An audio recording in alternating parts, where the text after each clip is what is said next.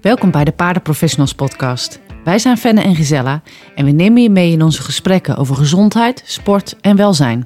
Maar ook over ons leven als hippies ondernemer.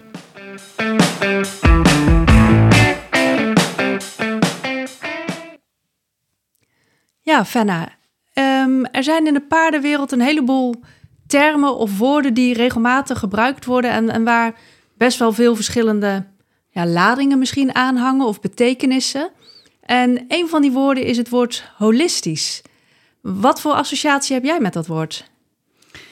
Ja, dat is wel een goede vraag. Holistisch uh, kwam bij mij altijd over toch als alternatief, um, zweverig.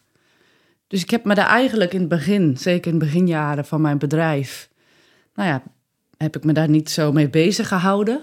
Dus als iemand zich uh, holistisch noemde, dan dacht ik altijd, ja, prima.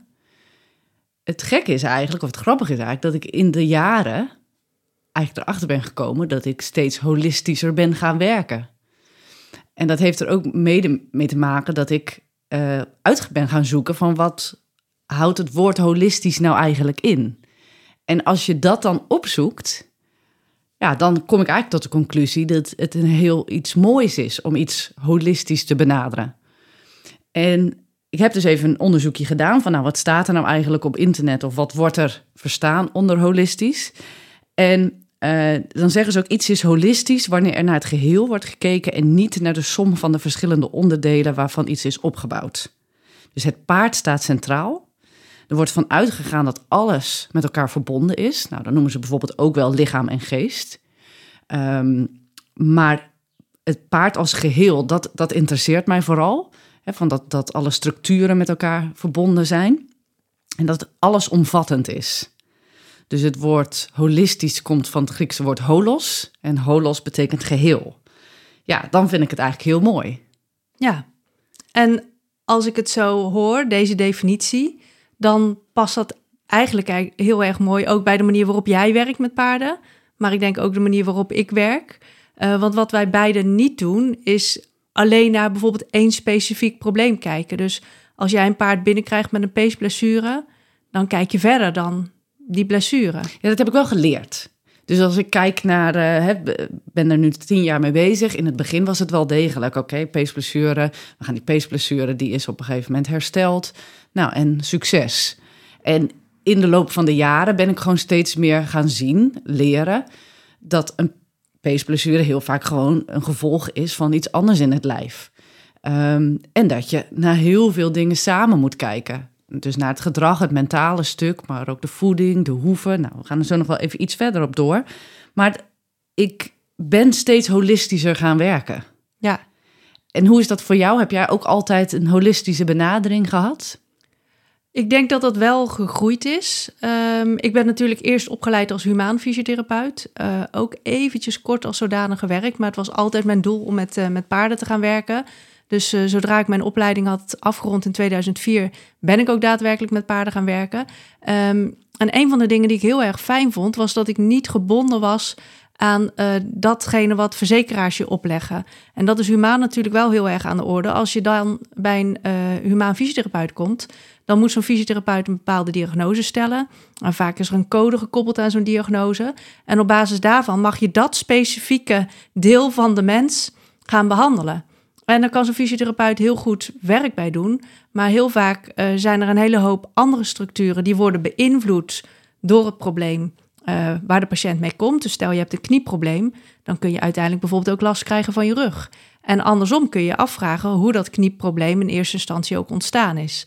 Um, en wat ik heel fijn vind aan de dierfysiotherapie is dat ik zelf de vrijheid heb om het gehele paard te onderzoeken en te behandelen.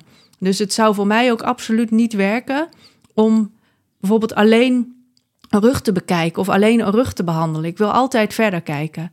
Dat betekent wel dat mijn onderzoek of mijn consulten best wel lang duren. Want als je een paard als geheel wil bekijken en als geheel wil behandelen, dan kost dat wel meer tijd. Maar ik ben ervan overtuigd dat dat uiteindelijk ook een beter resultaat oplevert op korte en op lange termijn. Maar ik kan me ook voorstellen dat dat dus niet in één consult kan.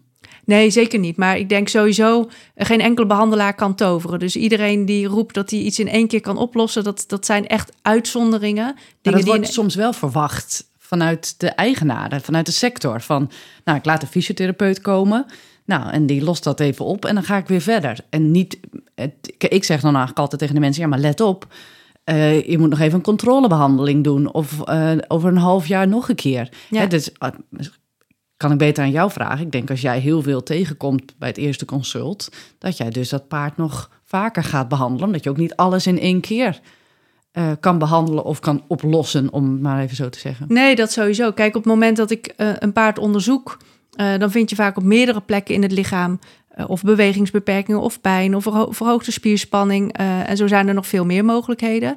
Dan ga je bekijken van, nou, wat ga ik in eerste instantie behandelen? Wat, heeft, wat is het meest urgent? Waar kan ik het beste beginnen? En de andere dingen, eh, die behandel ik vaak ook wel, maar dan misschien in mindere mate. En soms moet je ook een aantal punten eerst heel eventjes laten liggen.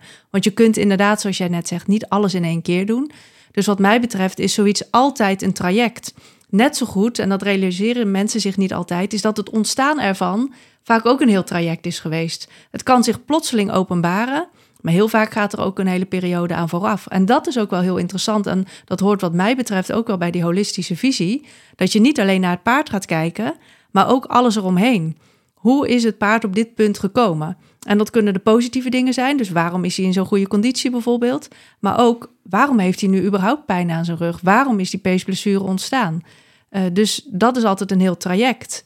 En dat is hoe ik werk, maar dat is eigenlijk, ehm, nou ja, als ik het nu zo'n beetje hoor van jou de afgelopen jaren, ook wel hoe jij werkt. Dat is ook nooit, een paard komt één keer en je nee, ik, ik noem het altijd een puzzel. Ja, En dat ben ik ook steeds leuker gaan vinden. En dat geef ik ook altijd wel door aan eigenaren. Van, zie het als een puzzel en we gaan stuk, ja, puzzelstukjes eh, leggen. Maar we kunnen die puzzel nooit in één keer klaar hebben. ja, En bij het ene paard is dat net iets makkelijker. En het andere paard is dat moeilijk of heel moeilijk. Kijk, op het moment als je, hè, dat heb ik ook even opgezocht. Als je kijkt naar holistische therapeuten, holistische dierenartsen. Dan zijn vaak paarden die bij hun komen, die ofwel chronische aandoeningen hebben. eh, geen, dat er geen diagnose gesteld kan worden. ja. Dus het is vaak een soort van vervolgstap van oké, we weten het niet meer. Dan gaan we maar naar een holistisch dierenarts of een holistisch therapeut... die dan naar het paard in zijn geheel kijkt. ja. Ehm, ik vind dat die dierenartsen en die therapeuten heel goed werk doen. Ehm, eh, omdat ik het vind dat het naar het paard geheel moet ge- gekeken worden. In een andere podcast hebben we het ook over stress gehad bij paarden. Nou, daar zeiden we ook van stress doet heel veel voor het lijf. Ja. Het zorgt ervoor dat de weerstand naar, onder andere ook naar beneden gaat. Je, je ziet veel paarden met huidproblemen. Ehm, ik vind dat heel interessant en dat mag niet vergeten worden in het geheel. Nee. Dus ik vind, ehm, eh, wat je wel ziet, is dat die holistische therapeuten of dierenartsen zich ook wel eh, grotendeels in een alternatieve hoek begeven. Ehm, en dat is iets wat wij dan niet doen. Nee. Ik sta daar wel open voor en ik vind het ook altijd wel interessant. Maar ik heb, ben er zelf niet, ik heb niet de kennis daarvan. Maar het valt me wel op dat als iemand zich holistisch noemt, dat het altijd een koppeling is naar de alternatieve geneeswijze. Ja, daar hebben we ook even een onderzoekje naar gedaan. Hè? En dan op, op internet in dit geval, dat we eens even gaan kijken, eh, waar, zijn gaan kijken van wie noemt zich nou holistisch. En dat zijn over het algemeen toch de therapeuten of eh, centra waar men eh, met alternatieve geneeswijzen werkt. Ehm, en nou ja, dat, is, dat, dat kan, want ik denk dat eh, er zijn meerdere wegen die naar Rome leiden. Ehm, en uiteindelijk gaat het erom dat een paard beter gaat functioneren. En dan wordt zeker naar het paard als geheel gekeken. Maar als ik naar onszelf kijk, wij profileren ons niet per se als eh, holistisch behandelaar of genezer of wat dan ook. Eh, dat is ook omdat wij niet die alternatieve therapieën aanbieden. Ehm, wat ik doe, doe ik graag zoveel mogelijk op wetenschappelijk, eh, wetenschappelijke basis. Eh, maar valt ook sowieso gewoon onder de reguliere geneeskunde. Maar ik ben wel absoluut voorstander van het paard altijd als een geheel bekijken. En niet alleen naar dat ene probleem eh, waarmee een klant misschien bij je komt. En als we dan zeggen, we, we kijken naar het paard in, als geheel, eh, alles staat met elkaar in verbinding. Nou, je bent bijna 20 jaar fysiotherapeut. Is er dan iets in die 20 jaar wat je toch vaker ziet, of dat het eigenlijk laat zien, heel duidelijk laat zien dat alles in verbinding staat met elkaar? Nou, dat zijn sowieso wel been- en rugproblemen. Ehm, dus op het moment dat een paard kreupel is of... ehm, nou, soms laten ze het nog niet eens zien, laat ik het zo zeggen. Als een paard een beenprobleem heeft en daar in meer of mindere mate pijnlijk aan is... dan kan hij, zich, eh, kan hij dat uiten door eh, een kreupelheid. Maar soms laten ze dat nog niet eens zien. Ehm, en paarden komen bij mij natuurlijk ook geregeld met rugproblemen. Dan zie ik dat niet altijd primair als een rugprobleem. Dus ik wil die paarden ook in beweging zien. Ik wil ze op zachte bodem zien, ik wil ze op harde bodem zien. eh, vaak ook nog even op de harde cirkel. En dan is het nogal eens een keer zo eh, dat zo'n paard niet alleen een rugprobleem heeft, maar dat er dan toch bijvoorbeeld ook een onregelmatigheid of dus een beenprobleem aan ten grondslag ligt. En dat zou gewoon heel erg zonde zijn als je dat mist. En tuurlijk help je dat paard ook als je die rug comfortabeler maakt. Dus een stukje pijn wegneemt, eh, bewegingsbeperkingen verhelpt. Maar op het moment dat je dat beenprobleem over het hoofd ziet, eh, ja, dan is het eigenlijk een beetje dweilen met de kraan open. En dat Ja. is gewoon eh, zo zonde. Dus daarom ehm, is er voor mij geen andere manier. En ik zeg dit niet zo snel, want ik zeg altijd: er zijn meerdere wegen die naar Rome leiden. Maar er is voor mij geen andere manier dan altijd wel het paard als geheel bekijken. Ja. Dus die been- en rugproblemen zijn interessant. Ehm, overigens is het ook wel eens andersom. Dat op het moment dat een paard langere tijd met een rugprobleem loopt en daardoor zijn lichaam niet optimaal gebruikt, kan dat ook weer leiden tot bijvoorbeeld een beenprobleem. Ja, zeker. En nou ja, zo zijn er heel veel meer connecties in het hele paardenlichaam. Op het moment dat hij rechtsvoor net een beetje anders afwikkelt, dan heeft dat niet alleen invloed op rechtsvoor, maar ook natuurlijk op linksvoor, want daar gaat hij misschien wat meer belasten.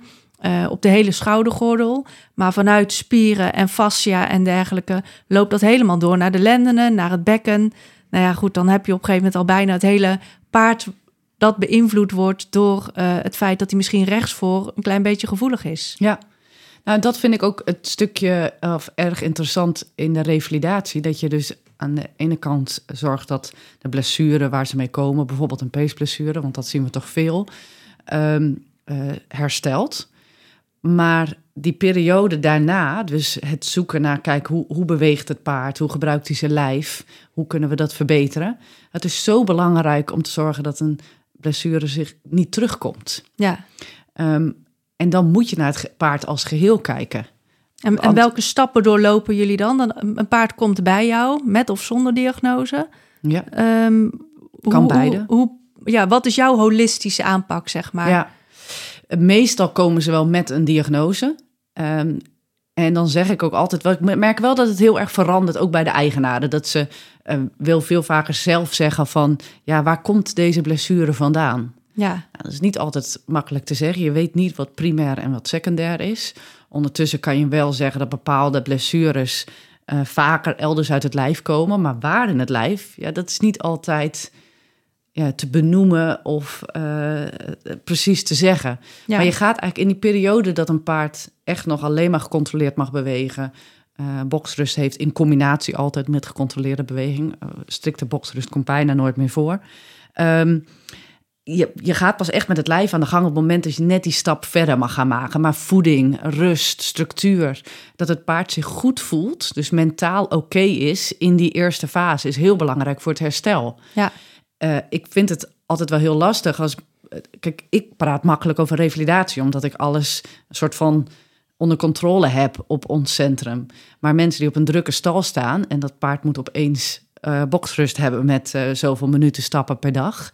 Die zeggen heel vaak: ja, mijn paard klimt over de wanden heen en is gestrest en is druk en eet slecht. Ja, dat is dus niet goed voor het herstel. Zo'n Ja. paard zal veel minder goed herstellen. Dus die, die, dat een paard zich oké voelt in de, die nieuwe onnatuurlijke situatie is heel belangrijk.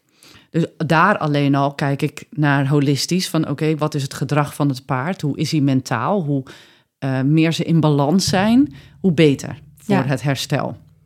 Nou, en dan vervolgens komt natuurlijk als, je, als we mogen gaan opbouwen. Wij werken dan veel met de aquatrainer. ehm, maar onze eh, eh, Robin die, die doet ook werk aan de hand. Eh, vervolgens ook onder het zadel. Dus je gaat eigenlijk paarden op verschillende manieren bewegen. En gaat zorgen dat het paard het juiste bewegingspatroon krijgt. Maar daar op dat moment komt ook de fysiotherapeut eigenlijk altijd eh, om de hoek, zeg maar. Ja. Of die schakel ik dan in, om dat paard helemaal na te laten kijken. Kijk, ik ben niet de fysiotherapeut, dus ik zeg dan tegen de fysio... oké, dit paard mag nu gaan opbouwen. Eh, wil je het paard eh, helemaal nalopen? Ja. Ehm, dus ja, eigenlijk gaan we dan stap voor stap met alle verschillende specialisten naar dat paard kijken. Ja. Ehm, organen kunnen ook een grote rol spelen. Maagzweren, andere problemen. Ehm, ja, ik, ik vind het interessant om zo'n puzzel heel langzaam aan te gaan leggen. Soms is het frustrerend dat het niet lukt. Hè? het lukt niet altijd om de puzzel volledig te leggen. Nee, maar als je niet begint om hem te gaan leggen, dan Nee. krijg, je ook, krijg je hem ook nooit af. Nee. En een paard is inderdaad meer dan dat ene puzzelstukje. Ja. En ehm nee, nou, moet ik ook zeggen dat, dat in, in die zin staan paarden dus ook altijd meerdere maanden bij ons. En daarom zeggen, eh, eigenlijk wordt dat altijd wel gezegd, ja, een peesblessure, hou maar rekening met een half jaar tot een jaar Ja. revalidatie. Dat houdt in dat je dus eh, natuurlijk een heel groot deel van die periode ben je aan het opbouwen. ja, Eh, en omdat we steeds meer naar het paard als geheel kijken, staan de paarden ook wat langer bij ons. En moeten Ja. die eigenaar dus ook meenemen. En zeggen van oké, we gaan echt naar het paard als geheel kijken. Eh, hoe kunnen we het paard zo goed mogelijk helpen? ja, Om weer straks terug te komen op bijvoorbeeld het niveau als waar die eerst liep. Maar ik merk wel dat de tijd verandert. Ik verander, ik ben veranderd in de afgelopen jaren. ja. Maar ik heb ook wel het gevoel dat er om mij heen meer holistisch gekeken wordt. Hoe, heb jij dat ook? Ook vanuit de fysiotherapie met je collega's, met dierenartsen samen? Ja, steeds wel meer. En ook als je kijkt naar de diergeneeskunde, zijn er steeds meer klinieken, zeker als het gaat om bijvoorbeeld bewegingsapparaat, eh, waar ze sowieso multidisciplinair werken. Dus Ja. dat betekent al dat er naar veel meer gekeken wordt. Ja, laten we weer even bij die peesblessure blijven dan alleen naar die pees. Nou, grappig, want zo noem ik ons centrum eigenlijk het multidisciplinaire centrum. En ik noem het niet holistisch. Nee. En wat is het verschil, denk jij? Nou ja, multidisciplinair wil eigenlijk zeggen dat je met meerdere disciplines samenwerkt. Ja. En dat houdt eigenlijk wel in dat je naar het paard als geheel kijkt. Ehm, terwijl holistisch, ja, wij gebruiken dat niet omdat dat vaak gebruikt wordt voor Ja. wat me- meer alternatieve geneeswijzen. Maar ik zou heel graag willen uitdragen, en dat doe ik eigenlijk ook wel. ja. Van, wij bekijken wel het paard als geheel. Ehm, en nou is het zo dat ik eigenlijk geen nieuwe klanten meer kan aannemen. Maar als er een keer, als ik toch een keer met iemand ga werken die ik nog niet ken, dan geef ik ook altijd aan van het is een heel traject. Ja. Ehm, want het, natuurlijk kan ik een paard op, een bepaald gebied meestal comfortabeler maken en beter laten functioneren. Ehm, maar op het moment dat verder alles hetzelfde blijft, qua training, management. Is ehm, toch ook heel frustrerend? ja, dan, kom dat je, zo weer terug bij af. Ja, dan kom je één keer, dan help je dat paard. Maar als de rest helemaal niet verandert, dan kan je eigenlijk over twee maanden nog een keer komen en nog een keer komen. Maar er verandert weinig. Ja, en ik vind het altijd fijn om, nou ja, dat wat er op dat moment gaande is, om dat te verhelpen. Maar ook naar de toekomst te kijken van Ja. hoe kunnen we ervoor zorgen dat dit niet nog een keer terugkomt. Maar ook al die andere dingetjes eventueel te optimaliseren. Daarvoor moet je ook af en toe naar het verleden kijken van wat is er allemaal gedaan. Op welke manier werd het paard gemanaged, getraind, noem maar op. En eh, nou ja, dan kun je dat gaan optimaliseren. En dat vind ik zelf een veel eh, bevredigender traject dan iedere keer even bra- brandjes blussen, zeg maar. Dat, Ja. dat korte termijn verhaal. Dus dat probeer ik dan mensen wel mee te geven. Als ik met jou en je paard ga werken, dan is dat altijd een langer traject. Ja. En nee, dat betekent niet dat ik met ieder paard drie keer in de week bezig ben. Maar ik blijf zo'n combinatie wel volgen. Eh, dus er is wel steeds een soort van follow-up. En we bespreken hoe de training gaat, eh, hoe die gemanaged wordt, waar we nog aanpassingen kunnen doen. Dus het is ook veel meer dan alleen de behandeling. En dat is wel ook, eh, er komt een stuk communicatie bij kijken. Want als iemand bij mij komt en die zegt, nou, ik denk dat mijn paard last heeft van zijn rechter schouder, want hij maakt een beetje kortere pas met zijn rechter voorbeen. En ik ga dat paard onderzoeken en ik ga uiteindelijk zijn rug behandelen. Dan staan ze mis- misschien aan te kijken van, ja, maar ik heb jou gevraagd om zijn rechter schouder aan te pakken. Dus dat is gewoon ook een stuk communicatie Ja. van, ik ga naar je paard kijken, maar ik ga het paard als geheel bekijken. En ik ga ook proberen erachter te komen waar de problemen primair vandaan komen. En ik heb nog wel een mooi voorbeeld daarvan. Op een gegeven moment was er een relatief jong paard. Paard was toen vier of vijf jaar oud. En dat paard was links voor niet helemaal regelmatig. En eh, dat sprong het meest in het oog. Maar achter was het bewegingspatroon ook niet normaal. Eh, de beweging van het bekken, beweging van de lendenen, dat was ook afwijkend. En uiteindelijk bleek ook dat het primaire probleem rechtsachter zat. Dan kun je wel alleen linksvoor behandelen, maar dan kun je erop wachten dat het probleem linksvoor weer terugkomt. Ja. Pas als je rechtsachter dan ook aanpakt, eigenlijk het primaire probleem aanpakt, dan kan linksvoor blijvend tot rust komen en blijvend eh, goed functioneren. Ja. Ja. Dus dat, dat is gewoon erg belangrijk om, om verder te kijken dan dat, wat, dat waar de klant om vraagt ook. Ja. Omdat je uiteindelijk klant en paard daar be- beter mee kunt helpen. En als je dan kijkt naar eh, trauma, trauma van buitenaf zeggen we dan vaak eens. Dan hebben we het over wonden of dat ze een tik op hun pees hebben gekregen of iets. Ja, je zou kunnen zeggen dat heeft verder niet zoveel invloed op het lijf. Maar dat is natuurlijk niet zo. Wat doet een wond of uiteindelijk een litteken met de rest van het lijf? Ja, wat je net zegt, het lijkt inderdaad heel simpel. Hij heeft daar een wondje, dus dat is heel simpel. Dat is het primaire probleem. Dat moet herstellen. En eh, nou ja, dan eh, de rest van het lijf, eh, daar zal het niet zoveel impact op hebben. Maar zo'n wondje is in eerste instantie pijnlijk. Het lichaam gaat het gebied daarom rondomheen gevoeliger maken, zodat dat niet aangeraakt wordt of, of niet bewogen wordt in een range waar het pijnlijk is voor het paard. Nou, dat heeft direct al impact op de omliggende structuren. Dus een kleine aanpassing in het looppatroon bijvoorbeeld.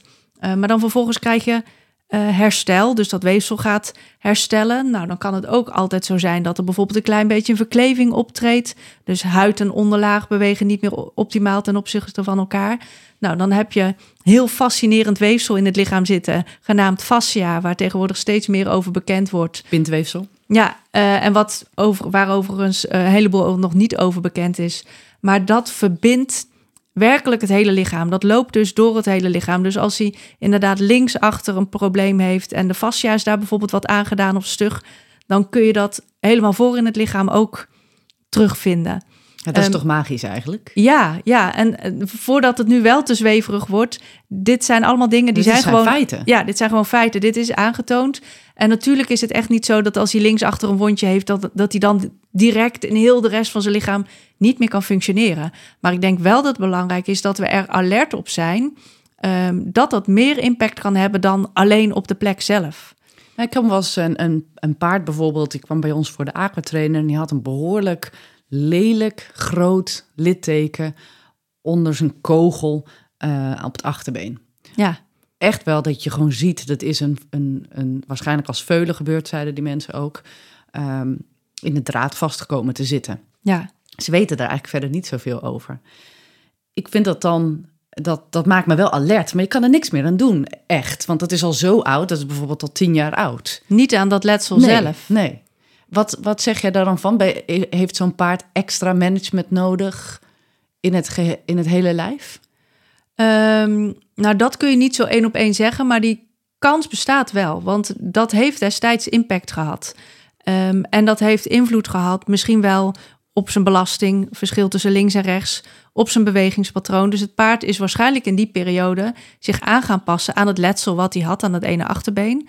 En het is niet zo simpel dat op het moment dat dat letsel genezen is, dat het oorspronkelijke bewegings- of belastingspatroon weer terugkwam. Nee. Ik weet nog wel, tijdens een van de opleidingen die ik deed, was er ook een, eh, een docent. En die gaf zelf ook aan, ze had, ik geloof, ooit haar enkelbanden verrekt of gescheurd of wat dan ook. In ieder geval, eh, ze had er behoorlijk veel last van.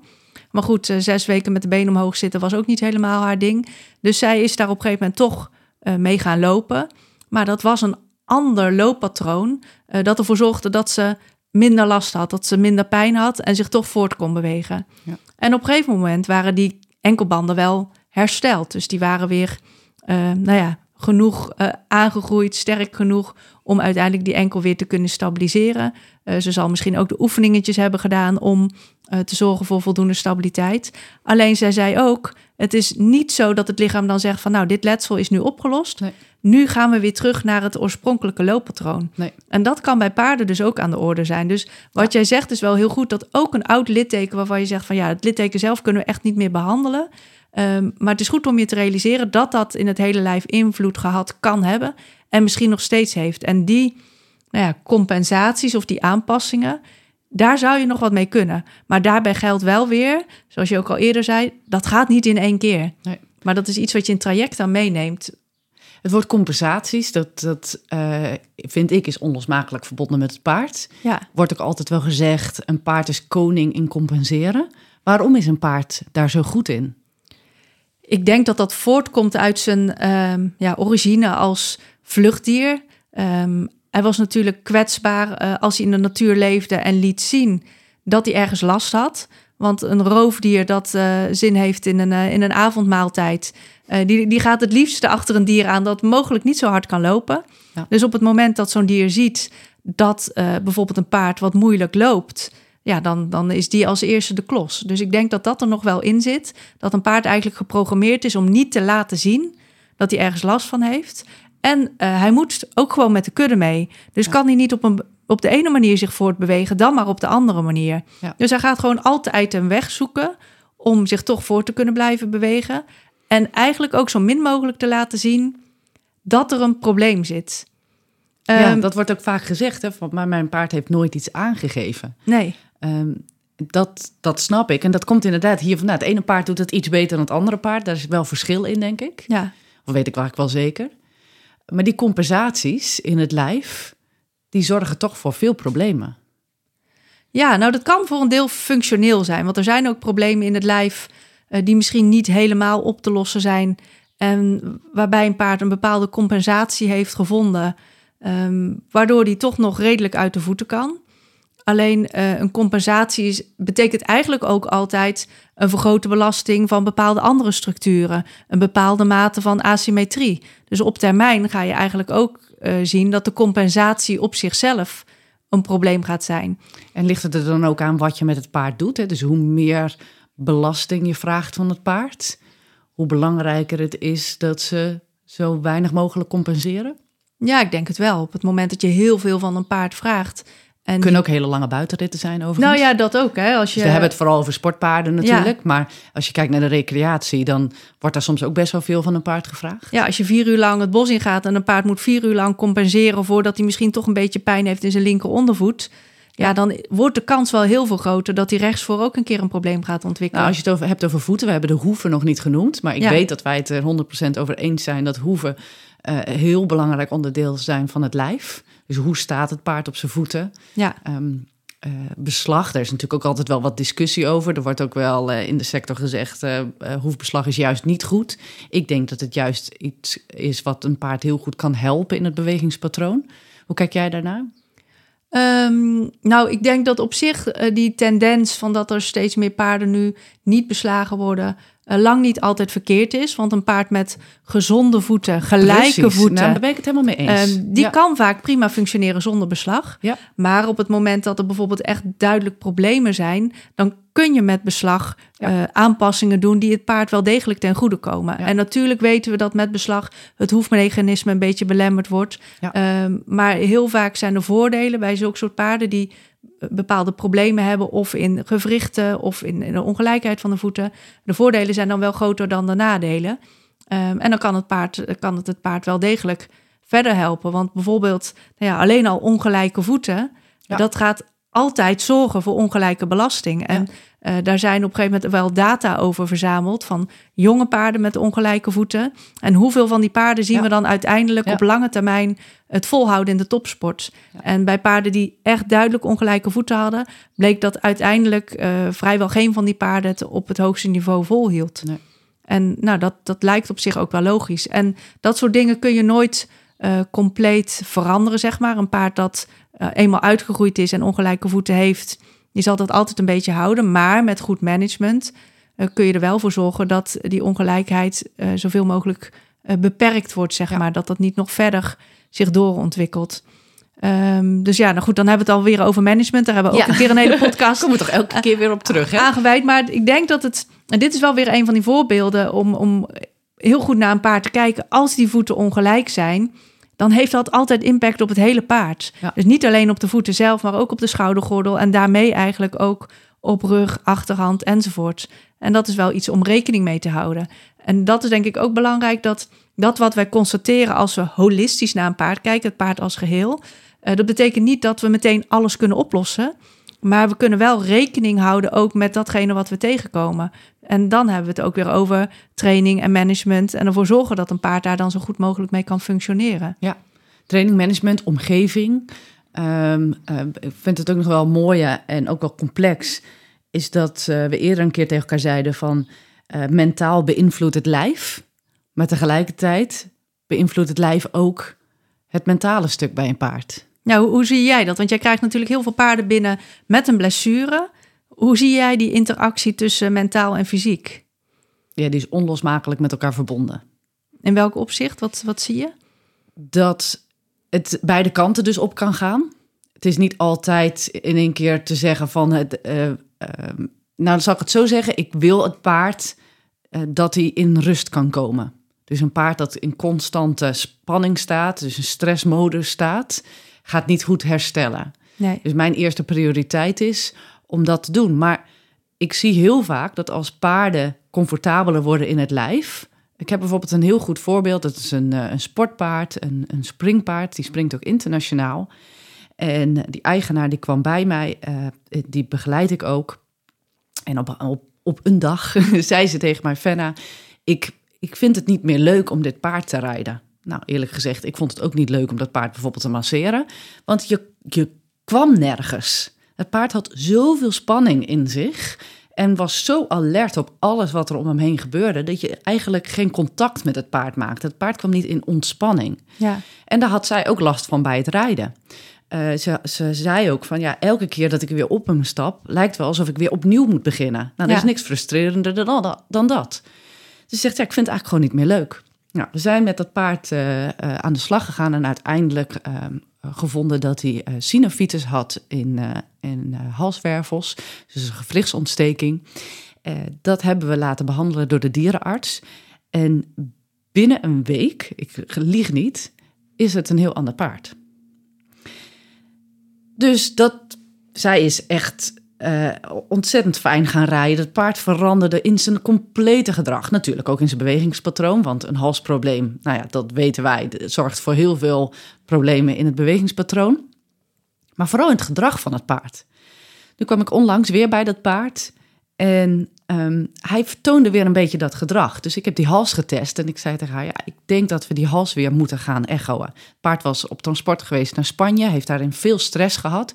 Dus het kan zijn dat hij daar vanuit die stress misschien heeft, wat heeft staan hangen of iets.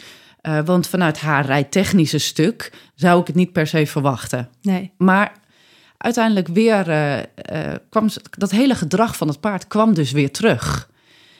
Nou ja, nu wisten wij, we moeten hem laten checken. Er zat wel anderhalf jaar tussen. Ja. Hem laten behandelen. En een paar dagen later stuurt ze mij een berichtje met een filmpje. Weer een compleet ander paard. Nou, en dan, wij zeiden al tegen elkaar van, ja, weet je, dit laat zien wat dus die pijn in de hals doet met het gedrag van het paard Ja. vanuit complete spanning, alertheid, eh, geen connectie hebben met zijn, alles wat er om hem heen gebeurt, tot een ontspannen paard wat super fijn te rijden is, wat super fijn te masseren is, rustig op de poetsplaats staat. Ja, dat vind ik wel bijzonder. Nou, en eigenlijk is het niet bijzonder, want het laat eigenlijk gewoon zien hoe het in verbinding staat met elkaar. Ja. ja en, en daar is dus niks zweverigs aan. Maar het is wel Nee, heel praktisch, heel tastbaar. En het, het maakt het voor het paard zoveel fijner. En nou ja, voor jou en, en voor de eigenaresse moet dat ook heel veel voldoening geven. Als, eh, Ja, maar hoe vaak horen we wel niet van... ja, dit is een paard die... nou ja, we hebben het eerder al gehad over het staken... het niet mee willen werken, bepaalde oefeningen niet willen doen. Maar dus ook gewoon in normaal gedrag aan de hand... of eh, druk zijn in de paddock, druk zijn op stal. Ja, ik, ook dat hoort bij die puzzel. Ja. Waarom is dat paard zo druk? Waarom kan hij niet ontspannen? ja, Ik zeg dan hij, maar het kan ook een merrie zijn. Waarom kan het paard niet in die ontspanning komen? En het is super belangrijk om in die ontspanning terug te komen. Want blijf je in die stress, in die spanning zitten, dan heeft dat ook weer een heleboel gevolgen op het Ja. lijf.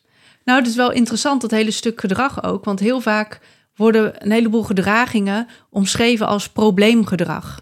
Ja, En pas had ik het erover met, eh, met een aantal mensen ook gespecialiseerd in gedrag. En die zeiden, ja, eigenlijk zouden we het veel beter signaalgedrag kunnen geven. Zeker. Of, of kunnen noemen. Dat wil dus zeggen dat je eh, dat gedrag niet ziet als een probleem. Tuurlijk kan het vervelend zijn voor jou, maar zeker ook voor het paard. Eh, maar een signaal dat er ergens iets niet lekker gaat. Ja. En wat dat iets is, ja, dat, dat kun je alleen gaan ontdekken als je ook op zoek gaat naar die oorzaak. Maar dat maakt mensen, sorry dat ik, het maakt mensen ook heel onzeker, hè? Ja, Want er wordt heel vaak uit de sector gezegd van, eh, joh, het is inderdaad probleemgedrag. Laat zijn eigenaar tegen mij, ja, Fenna, wat, eh, wat moet ik nou eigenlijk doen? Moet ik er doorheen rijden of moet ik luisteren naar mijn paard? ja, Waarvan ik zeg, ja, je moet natuurlijk luisteren naar je paard. Ja, maar hoe, hoe dan? wat, hoe moet ik zijn gedrag dan interpreteren? Ja, Nou, en daar hebben de eigenaren dus hulp bij nodig.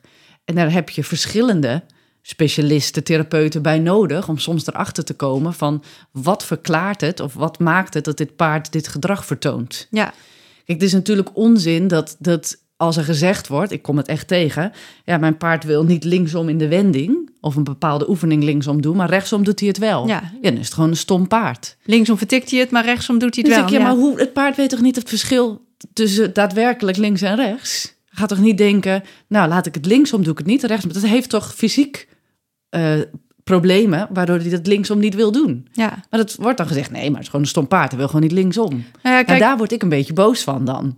ik merk het gewoon. Ik word er boos van. ja. ja, dat snap ik. En ik, ik sta er ook wel zo in. Maar wat er natuurlijk vaak gedaan wordt, dan is het pakken maar even aan. Ja. Nou, en dan pakken ze hem aan en doet, doet dat paard het uiteindelijk Ja, dan daar toch. zijn de paarden dus veel te goed. Ja, maar, maar dat is ook weer compensatie. Gaat het niet op de ene Precies. manier, dan gaan ze wel een manier zoeken om het op een andere manier te doen.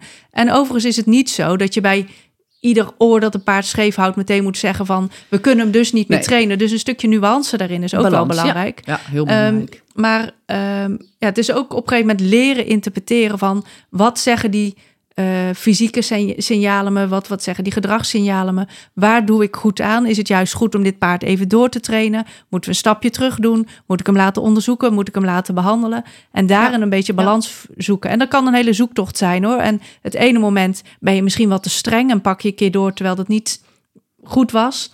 Het andere moment ben je misschien wat te soft en ja, laat je maar staan. Terwijl het misschien voor het paard toch beter was geweest om er iets mee te gaan maar daar doen. heb je dus echt gewoon ervaring voor nodig. Ja. Kijk, wij hebben ook wel eens een paard.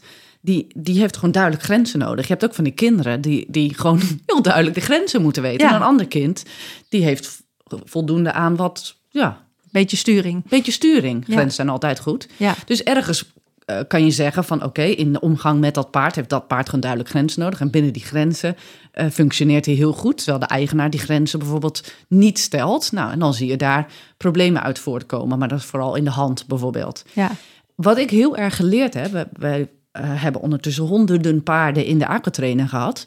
En ehm, in al die jaren heb ik wel gezien, wij willen dat een paard zich ontspannen beweegt in de aquatrainer. Want als zij niet ontspannen gaan bewegen, kun je net zo goed niet gaan aquatrainen. nee. Dus ons eerste doel is ontspanning. Als een paard spanning opbouwt zodra ik een bepaalde hoogte van water pak, dan is dat voor mij een signaal. Ja, Dat paard doet, dat kan natuurlijk het water een beetje spannend vinden, maar dat geeft hij dan, eh, dat herken je wel. Of de hoogte van het water zorgt ervoor dat hij anders zijn lijf moet gaan gebruiken. En dat zorgt bijvoorbeeld voor ongemak of pijn. Kan ook gewoon ongemak zijn. Dan is het aan ons, en dat vind ik dus zo belangrijk bij aquatrainer begeleiders, dat je dat dus gaat bekijken. ja, Eh, ik durf nu veel meer, en mijn collega's ook, te vertrouwen op je eigen gevoel. Onlangs had ik nog een sportpaard, een jong sportpaard moet ik wel zeggen, in de aquatrainer. En ja, ik zei ook tegen die eigenaar van, het, het lukt niet om dit paard op te bouwen. Er Ja. moet iets zijn waardoor, dit, waardoor ik dit paard niet kon opbouwen. Ehm, maar soms is het heel lastig om dat aan de eigenaar duidelijk te maken. Zegt, ja, onder het zadel voelt hij eigenlijk wel prima. Hij is een beetje stug naar rechts, maar goed, prima. Ja, en dan moet ik soms echt 100% op mijn eigen gevoel vertrouwen. En soms wel zelf zeggen, ik ga dit paard niet verder trainen in de aquatrainer... totdat je verder onderzoek hebt laten doen. En dit paard heb ik dan naar de fysiotherapeut gestuurd. Deze eigenaar was trouwens wel heel eh, meewerkend hoor. En dat paard is behandeld door de fysiotherapeut. Zat de hele rechterkant eh, vast, om het maar even simpel te zeggen. ja, De eerstvolgende keer kwam ze. Nou, wij, wij waren compleet verbaasd dat we een, een, echt een ander paard in de aankuttrainer hadden. ja, Echt waar. Ja, en dat soort dingen, dat sterkt dan mijn gevoel dat ik A, op mijn eigen gevoel moet vertrouwen. En B, soms moet zeggen, nee, 100% moet zeggen, we kijken naar het paard en die signalen die het paard geeft, moet je altijd 100% serieus nemen. Ja. Zeker als het eh, in situaties van ontspanning naar in één keer spanning gaat. ja, En als je dan weer dat water bijvoorbeeld weghaalt, dat hij weer naar ontspanning gaat. Hè? Maar daar is ervaring voor nodig. Maar keer op keer zie ik dan wel dat als je die pijn en ongemak weghaalt, of je helpt het paard beter te bewegen, dat hij dus ook in zijn gedrag compleet anders wordt. Nou, nu jij dit zo vertelt, denk ik, nou, logisch en goed dat je zo handelt. Maar dit komt dus in, het- in de gewone training ook heel vaak voor. Ja. Dus dat een paard bij een bepaalde oefening keer op keer eh, stress vertoont Ja. of verstrakt of Ja. ehm, gaat staken of naar het been slaat. Eh, dat zijn ook weer signalen dat je eigenlijk zou moeten denken van ik moet eens eventjes laten kijken waarom die dit doet. Heeft hij ergens last van? Is hij ergens pijnlijk? Is hij ergens beperkt? Eh, dus eigenlijk zou een trainer ook een, zo'n soort holistische visie moeten hebben. Tuurlijk is het goed om rijtechnisch te gaan kijken van wat kan de ruiter anders doen. Eh, maar ja, misschien zit het zadel wel in de weg of is er iets anders aan de hand. Dus dat wat jij in de aquatrainer doet, ik denk dat dat goed is als mensen in de training ook zo naar een paard kijken. Maar soms dan willen ze het niet horen. Hè? En dan, als ik dan da- echt duidelijk ben, dan zie je ze vervolgens nooit meer terug. ja, Ik weet niet of jij dat ook wel eens hebt, maar ja, ik denk dan, dan moet ik wel op mezelf vertrouwen. Van nee, ik heb eh, aangegeven dat ik verdenk dat hier meer aan de hand is. ja, Ik ga niet net zo lang doortrainen tot hij de aquatrainer uitspringt. Ik ben niet gekke Henkie natuurlijk. nee, en, dat dus- is dan een stuk ervaring en kennis. Ja, En vaak als je goed kunt onderbouwen waarom je een vermoeden hebt in een bepaalde richting, dan, dan willen klanten daar wel aan meedoen, omdat de meeste mensen het echt het beste voor hebben met een paard. Maar soms duurt het even voordat iemand dat toe wil laten, zeg maar. Het Ja, idee dat klopt. er toch iets niet helemaal goed is met hun paard. Maar toch ook wel weer leuk als mensen dat wel doen. En ik heb, ik heb echt tal van dit soort voorbeelden. Eh, misschien herkennen mensen zich in dit voorbeeld. maar waardoor het elke keer weer dat ik zeg van ja, die holistische benadering, die de- het paard als geheel bekijken. Eh, onlangs een, een, een sportpony die springt, ja, die begon gewoon te weigeren. En die liep niet graag en alles. Nou, dan zijn we met verschillende specialisten met dat paard aan de gang gaan. Die heeft niet eens intern gestaan. Nou, letterlijk binnen vier tot zes weken is die pony helemaal veranderd. Ja, En is die, is die dochter van elf weer met heel veel plezier aan het rijden. En die pony ook weer met heel veel plezier aan het springen. ja, Ja, dat maakt mij wel gelukkig. Maar dit, nu hadden we te maken met een eigenaar die zei van... oké, Fenna, help mij, want volgens mij klopt hier iets niet. nee, Nou, dit was dan redelijk snel dat we een puzzel hadden gelegd. Maar daar word ik wel gelukkig van. Maar als we met z'n allen open blijven staan om het paard als geheel te zien... dan denk ik dat we een heel stuk verder komen. Maar dat gedrag daar dus ook in meenemen, inderdaad. ja, Overigens kan het gedrag op allerlei manieren eh, zijn. Hè? Dus het kan zijn in staken, eh, eh, spanning, et cetera. Maar soms zie je ze ook eigenlijk down worden, afwezig. in zichzelf verkeerd. In zichzelf gekeerd, ja, lijken misschien rustig en braaf, Ja. maar dat kan ook iets anders betekenen. Ja, ja precies. Dus dat, dat kan eigenlijk alle kanten op. Maar eigenlijk als ik het ehm, samenvat... Zijn wij holistisch bezig? Vinden we de holistische benadering heel belangrijk? Ja, het paard als geheel zien, dat Ja. stukje van eh, het woord holistisch. En daardoor dus ook samenwerken met allerlei andere therapeuten en specialisten. Ja. Om dus maar het paard als geheel te zien. Ja. Ik denk dat dat eh, een, mooie samenvatting is en, eh, en interessant. Leuk. Ja, nou, ik, ik hoop dat, dat iedereen een klein beetje misschien een beter beeld heeft bij het woord holistisch. En dat er binnen de holistische visie mensen zijn die ehm, nou, met alternatieve geneeswijzen werken, maar ook met reguliere geneeswijzen. Maar dat het feit dat je het paard als geheel bekijkt en verder kijkt dan alleen dat ene dingetje dat in het oog springt, dat dat eigenlijk voor iedereen, voor ieder paard heel erg belangrijk is. Eens. Dankjewel. Bedankt voor het luisteren naar onze podcast. Je kan ons volgen op Instagram en Facebook onder Fenna en Gisella. Je kan ook natuurlijk onze bedrijven volgen. Lelimare Horses en Bartels Horse Health Instituut. Tot de volgende keer.